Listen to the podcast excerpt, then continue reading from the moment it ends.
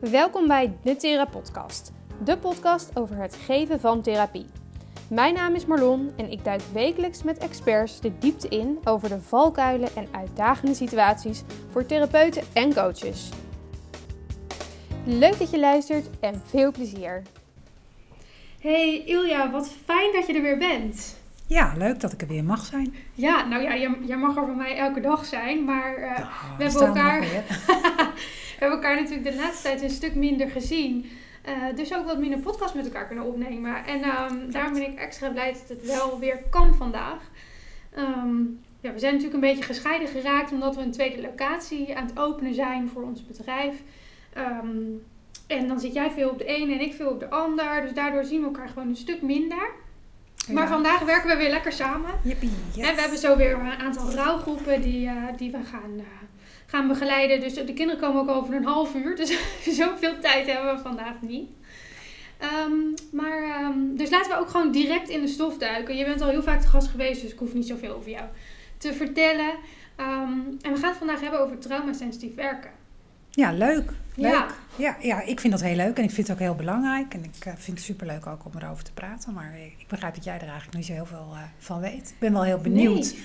Uh, als je het dan hebt over traumasensitief werken, wat, wat, waar denk jij aan dan? Wat denk jij dat het is? Hmm. Ja, oh, dat is, dat, ik voel, voel het een beetje als een strikvraag. Maar ik, nou, wat, ik, wat ik denk, is dat het heel erg gaat over um, het ge, uh, de reden achter het gedrag. Weet je wel, we, als, we gaan heel vaak focussen op het gedrag. Een kind is vervelend of agressief of bla bla bla. En dan kan je heel erg gaan focussen op uh, die agressiviteit en op andere manieren aanleren. En tot op zekere hoogte is dat denk ik soms ook belangrijk. Um, maar dat traumasensitief heel erg gaat over, hé, hey, maar waar komt dat nou vandaan of zo? Zoiets denk ik erbij. Ja, nou, ik denk dat je een heel eind in de goede richting zit, denk ik zeker. Ik hoor mezelf trouwens heel erg echo, dus als ik een beetje gek klink, dan, uh, dan is dat zo. Ja, nee, je klinkt niet gek. We, we hebben nieuwe podcastmicrofoons en je moet een beetje wennen aan dat je jezelf hoort in de uh, koptelefoon. Nou goed, als je de eerste podcast hebt gehoord, dan weet je ook dat ik een amateur ben. Dus uh, dat blijkt dus nu ook weer weer. maar goed, ik vind het wel heel erg profi allemaal. Maar goed, even terug naar het traumasensitief uh, werken. Want het is natuurlijk een hot topic hè, momenteel. Hè. Je hoort natuurlijk heel veel, iedereen is heel erg traumasensitief bezig. En scholen roepen ook dat ze traumasensitief onderwijs geven. Nou ja, wat is dat dan eigenlijk? Want iedereen wil dat natuurlijk wel heel graag. Maar um, ja, hoe dan? Mm-hmm. En ik denk dat het heel erg klopt dat je zegt, het gaat heel vaak over de vraag achter het gedrag. Hè, wat wil dit gedrag nu zeggen? En welk signaal geeft een kind af? Een kind of misschien ook wel een volwassene. En uh, ik heb onder andere de opleiding gevolgd bij Leonie Koppes. Die heeft ook het boek, uh, de boeken daarover geschreven. En die geeft ook daarover de training. En die heeft zich daar ook enorm in verdiept. En is daar ook hoogleraar in. Um, uh, dus daar gaan heel veel mensen zijn nou op dit moment mee bezig ook. En uh, het gaat dus uiteindelijk heel erg over van, weet je, durf je te kijken van wat neemt een kind eigenlijk allemaal mee? Hmm. Wat draagt hij bij? Of kijk je alleen naar de buitenkant? Dat wat hij laat zien? Of ken je eigenlijk überhaupt ook wel de persoon die voor je zit? En met welke bril kijk je daarnaar? Okay. Dus dat gaat ook heel erg uit van jouw eigen normen en waarden. En wat label je aan wat je ziet gebeuren? Of wat vind je dat er hoort? Oh ja, wat vind ik van dit gedrag? En, en ja, oké. Okay. Weet je, en bij dit gedrag, daar past dan dit bij. Of uh, dit gedrag zegt dit, of het irriteert mij. Mhm. Mm -hmm. Ik heb er last van, dus het moet stoppen. Ja. Terwijl, nou ja, dat andere stukje, hoe kan ik mijn uh, omgeving zo inrichten dat uh, ik minder last heb van het gedrag, mm -hmm. maar dat een kind ook um, dat gedrag niet meer hoeft te laten zien, omdat er gehoor gegeven wordt aan dat wat hij eigenlijk nodig heeft. Ja. Ja, dus, dus dan gaat het denk ik ook een stukje veiligheid. Het gaat heel veel over veiligheid. Ja. ja. Hey, en als we dan eens bijvoorbeeld kijken naar kinderen um, die in de klas worden weggezet als druk, vervelend, veel ruzie zoeken uh, onderling. Hè, bijvoorbeeld een jongetje, um, uh, even om het beeldend te maken, die dat gedrag vertoont. Dat is voor de juf uh, vervelend, het is voor de klas vervelend.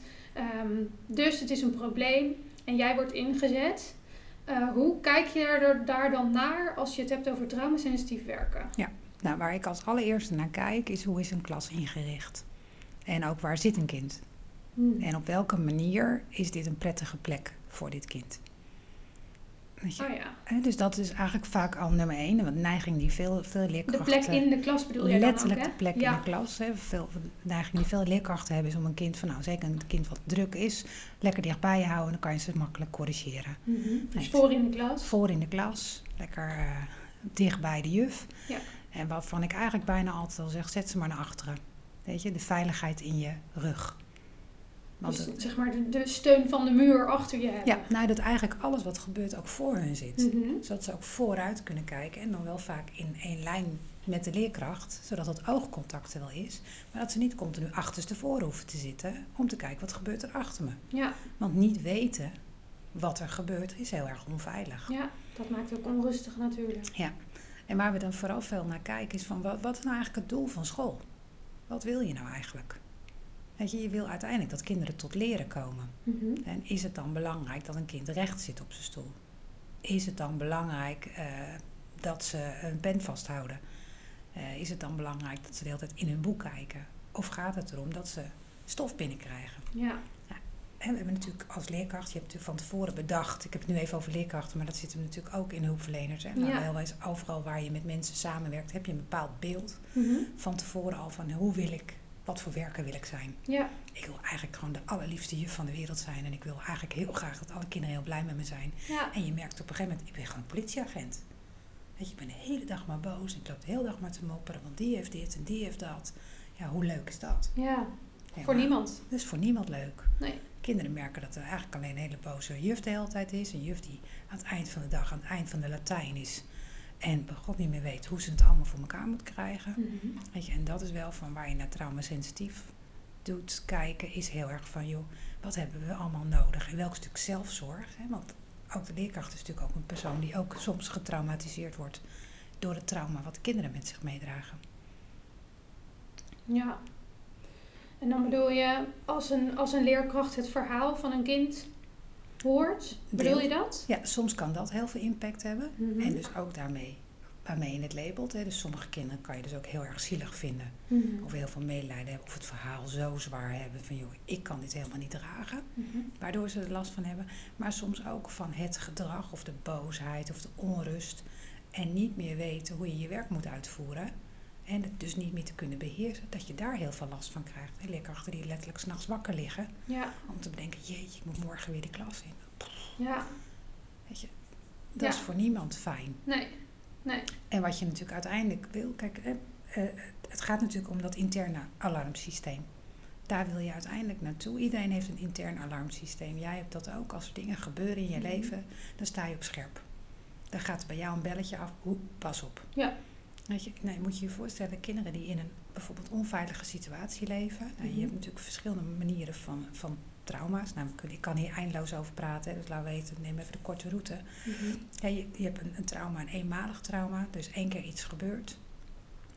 Weet je, dat komt heftig binnen, maar afhankelijk van de mensen om je heen, het netwerk, hoe je daar opgevangen wordt, dat is een beetje afhankelijk van in hoeverre het traumatiserend is. Ja, soms kan je hele heftige dingen meemaken, maar kom je daar best wel oké Ja. doorheen.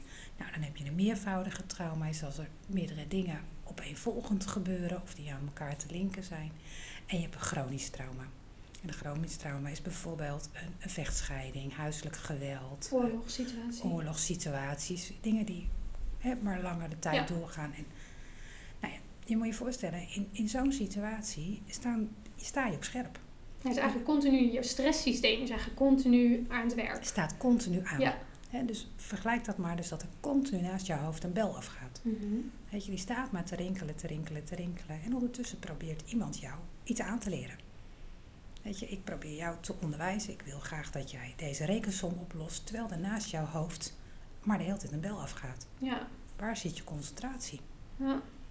Dus als je het dan hebt over traumasensitief werken en je hebt het over dat, eh, ehm, ja, die continue eigenlijk stress die kinderen ervaren, dat, dat overactieve stresssysteem de hele tijd, is het dan zo dat het lastig is dat je juist traumasensitief moet werken op het moment dat eh, dat stresssysteem nog actief de hele tijd afgaat? Of blijft dat stresssysteem ook afgaan terwijl de veiligheid al lang is teruggekeerd? Is Ja. dat gewoon, dat is een ja, ik weet niet, een patroon geworden. Of dat, dat heeft zich zo ontwikkeld dat dat continu aan blijft staan. Nou, terwijl het- het, het kind eigenlijk alweer stoppen, veilig is. Maar het moet wel nieuwe structuren gaan leren. Weet je, je hebt natuurlijk een bepaalde weg ben je ingegaan, dat ben je gewend. Mhm. En er moet een nieuwe weg ontdekt worden. ja, Maar die is nog niet zo veilig. nee. Die durf ik af en toe eens te nemen. Maar als het onveilig is, dan pak ik gauw weer mijn oude paadje. Ja. Dan ga je terug in gedrag ja. wat je kent. Tuurlijk. Ja, Hè, dus je moet dat nieuwe, moet je vaak genoeg bewandelen Ja. om daar ook vertrouwd mee te raken. Weet je wat ik daarvoor een heel mooie metafoor vind?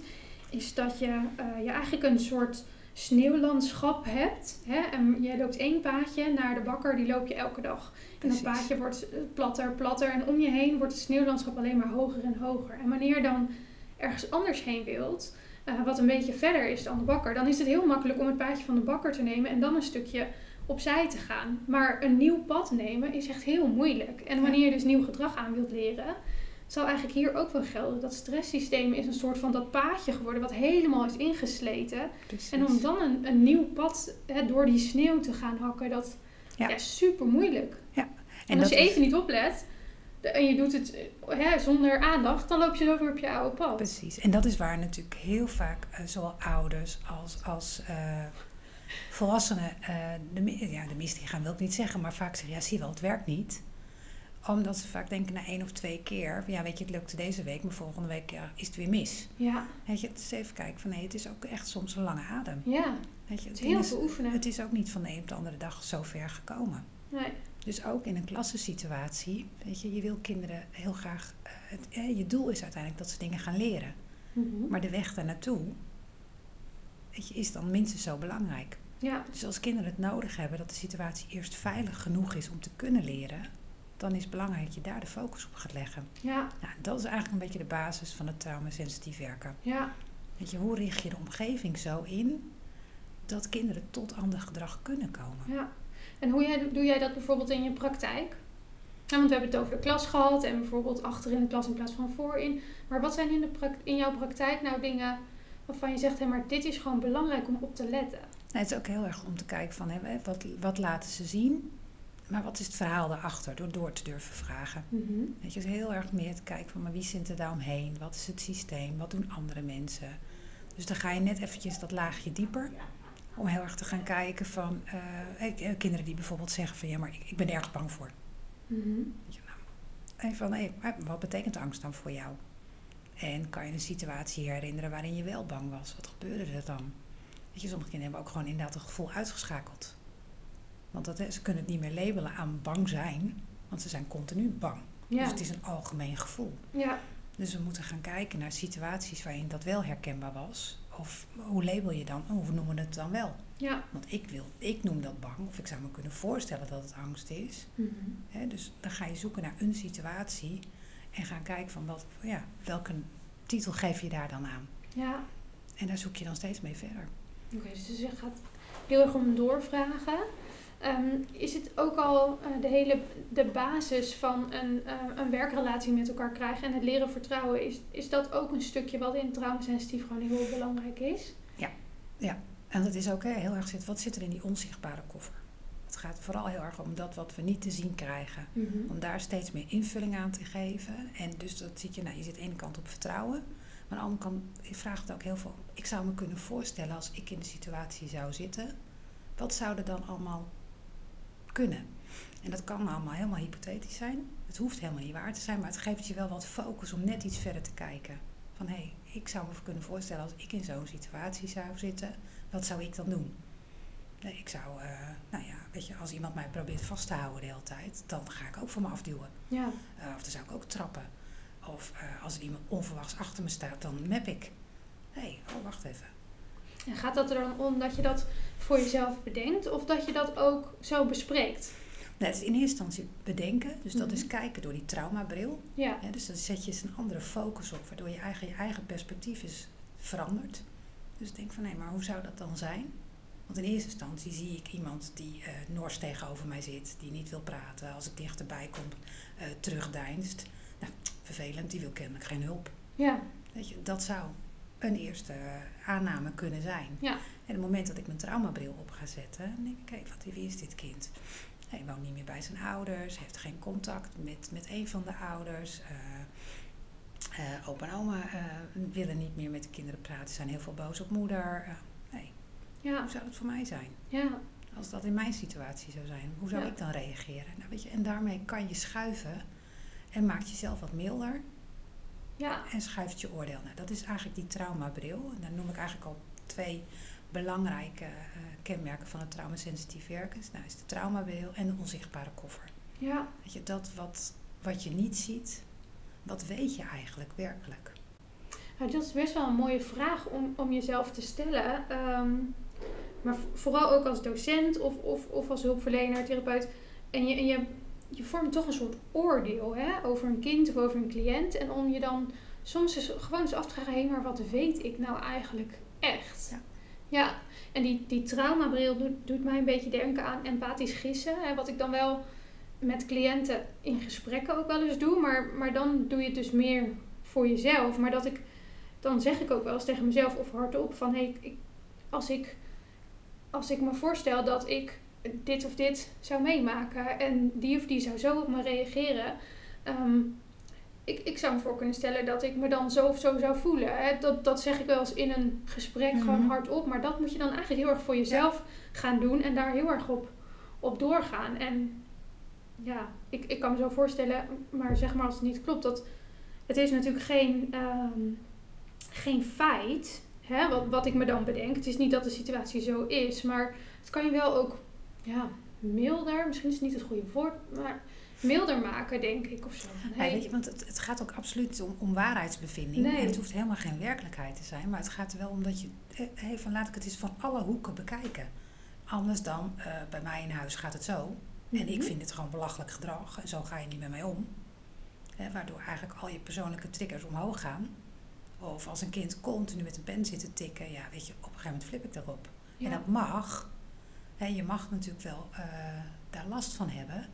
Maar heb ik er last van omdat het bij mij iets triggert? Ja. Of, en zeg ik dus daarmee dat een kind moet stoppen daarmee? Of neem ik een kind dan ook iets af terwijl hij eigenlijk dat nodig heeft en ik hem iets een alternatief zou moeten bieden? Ja. Waarbij wij beide happy van zouden kunnen worden. Ja. Weet je, maar ook, dit, dit werkt natuurlijk ook in, in scheidingssituaties hè, met een ouder waarvan bijvoorbeeld gedrag is wat me gewoon enorm stoort. Ja. Waarvan ik denk, ja, dat hoor je gewoon niet te doen. Maar daarom eens kijken, waar komt deze persoon eigenlijk vandaan? Ja, nou, ik, ik, als ik dit zo hoor, dan, dan kan ik me voorstellen dat, het, dat er voor mij heel veel lessen liggen in het traumasensitief werken. Hè? Want, um, nou goed, de, ik ben vrij normatief, heb ik recent begrepen in supervisie. En ik, um, dat, dat kwam best wel hard aan, maar daar ben ik over na gaan denken. En ik heb het ook met Bouke thuis besproken. En die moest keihard lachen. Hij lachte me nog net niet uit. Hij zei, goh, kom je daar nu pas achter? Nou, hij had echt zoiets van, ik roep dit al zes jaar.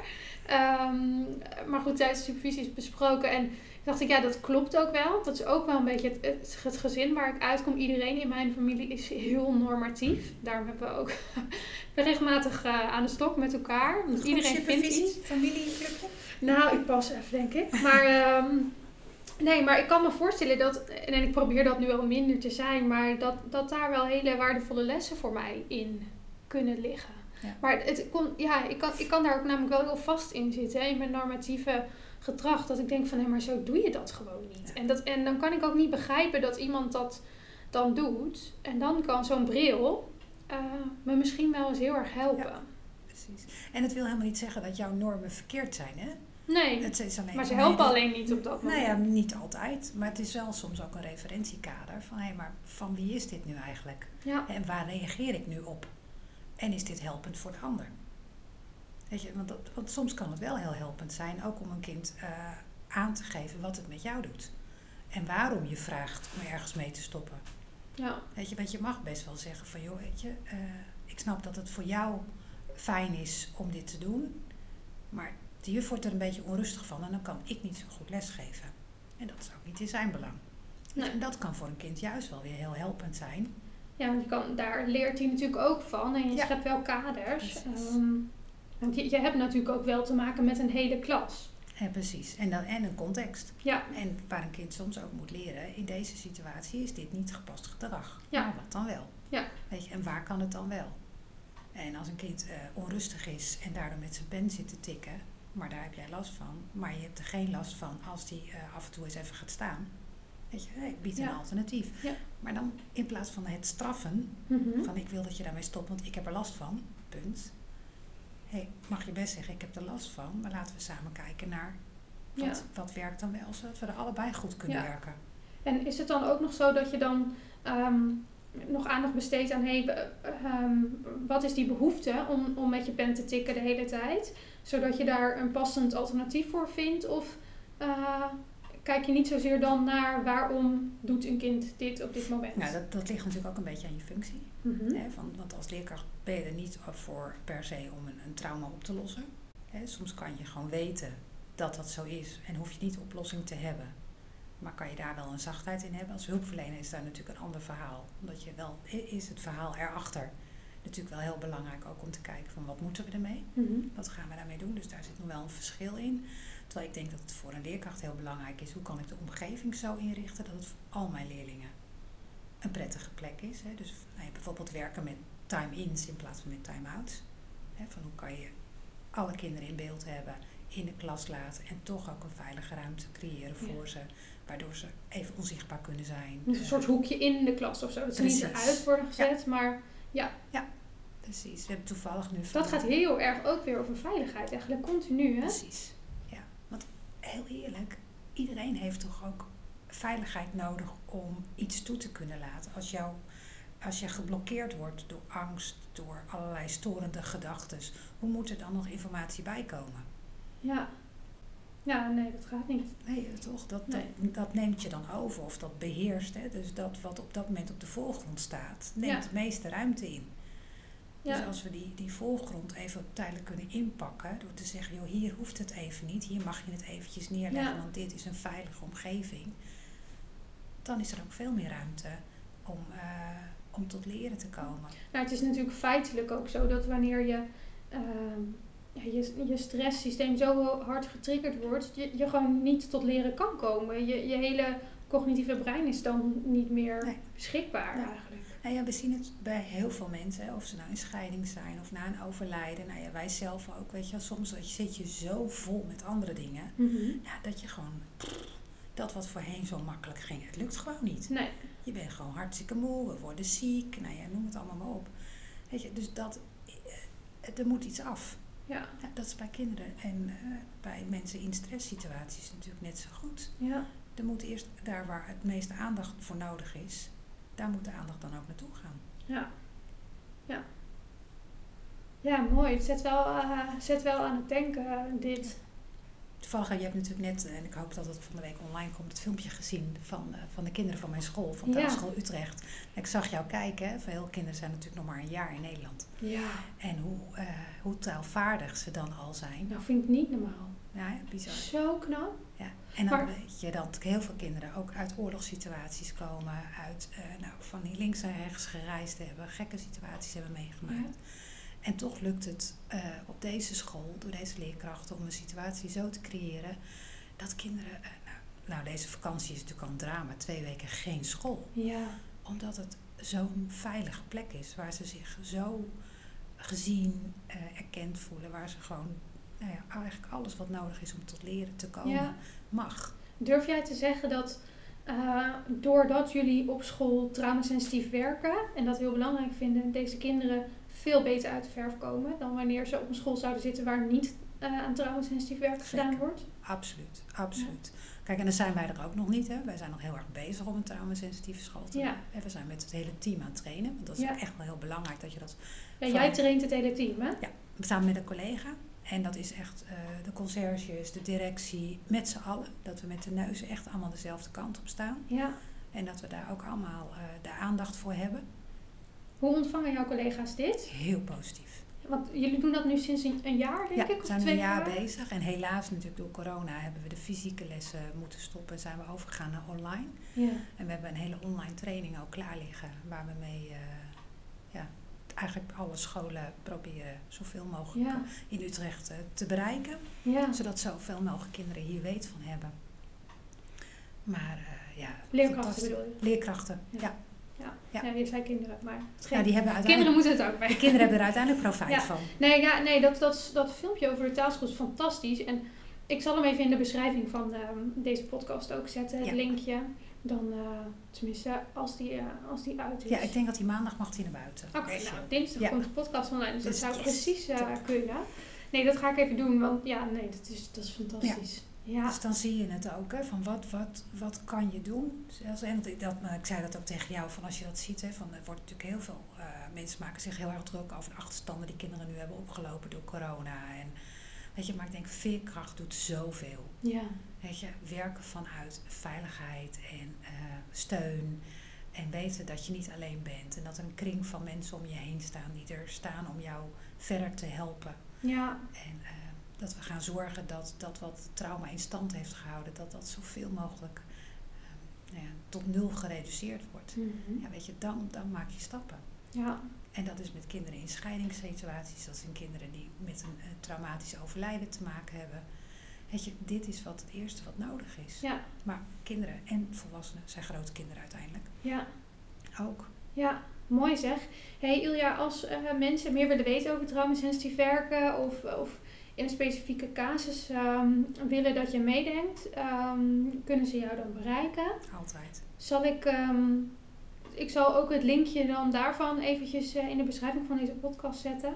Ehm, dus je kan, eh, je kan altijd meedenken over dit of eh, concrete tips geven. Ja. Super fijn. Ja. Ik denk echt dat het, ehm, ja, dat het heel waardevol is om af en toe inderdaad even door die traumabril te kijken.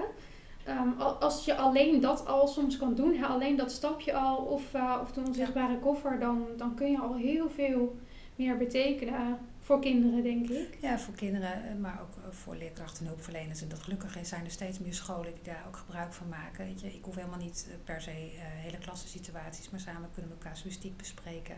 Ja, Waardoor door het opzetten van die traumabril je eigenlijk al zoveel oh ja's. Weet je, en soms is het zo voor de hand liggend en doen klassen al heel veel, ja, zonder dat ze het zelf eigenlijk in de gaten Ja. hebben. Hoe, ja, soms gaat het zo vanzelf. ja, maar dat is super mooi juist. En ik denk juist dat, dat wanneer je dat al doet en je hoort dan ook nog dat wat je doet eigenlijk super goed is, dan kan je dat uitvergroten of dan kan je zorgen dat het niet verloren gaat. Maar ehm, Ja. ja. juist gewoon super waardevol. En er zijn altijd denk ik wel kleine dingetjes die je als je ze onbewust doet, eh, als je ze bewust gaat doen, dat ze nog veel, veel beter resultaat gaan, be- gaan bereiken. En ik geloof echt dat je werk zoveel leuker wordt als je niet op beheersing hoeft te gaan zitten. Ja, En dat je los kan van het straffen en het gevoel. Nou, dat je een absoluut. ander vak uitoefent dan waar je voor Ja. opgeleid bent. Ja, Weet je, denk eh, voor jou fijn en voor je omgeving een stuk prettiger. ja, ja, eigenlijk alleen maar, eh, alleen maar winnaars. Absoluut. Ilja, dankjewel. Um, ik denk dat we hierbij kunnen afsluiten. Want eh, wij hebben een aantal een groep eh, trappelende kinderen straks eh, staan. Oh, Hoop ik. ik hoop dat ze vrolijk zijn, maar echt meestal wel. Jawel hoor. Nee, eh superleuk. Dankjewel voor vandaag. En ehm we hebben nog één verzoek. Dat wanneer je via eh, Apple Podcast luistert naar deze podcast, zou je een beoordeling achter willen laten eh, in de app van Apple Podcast. Daar zou je ons heel erg blij mee maken. En eh, tot volgende week. Laat je weten wat je van de aflevering vond. Je kunt me bereiken op @marlondijkhuizen op Instagram.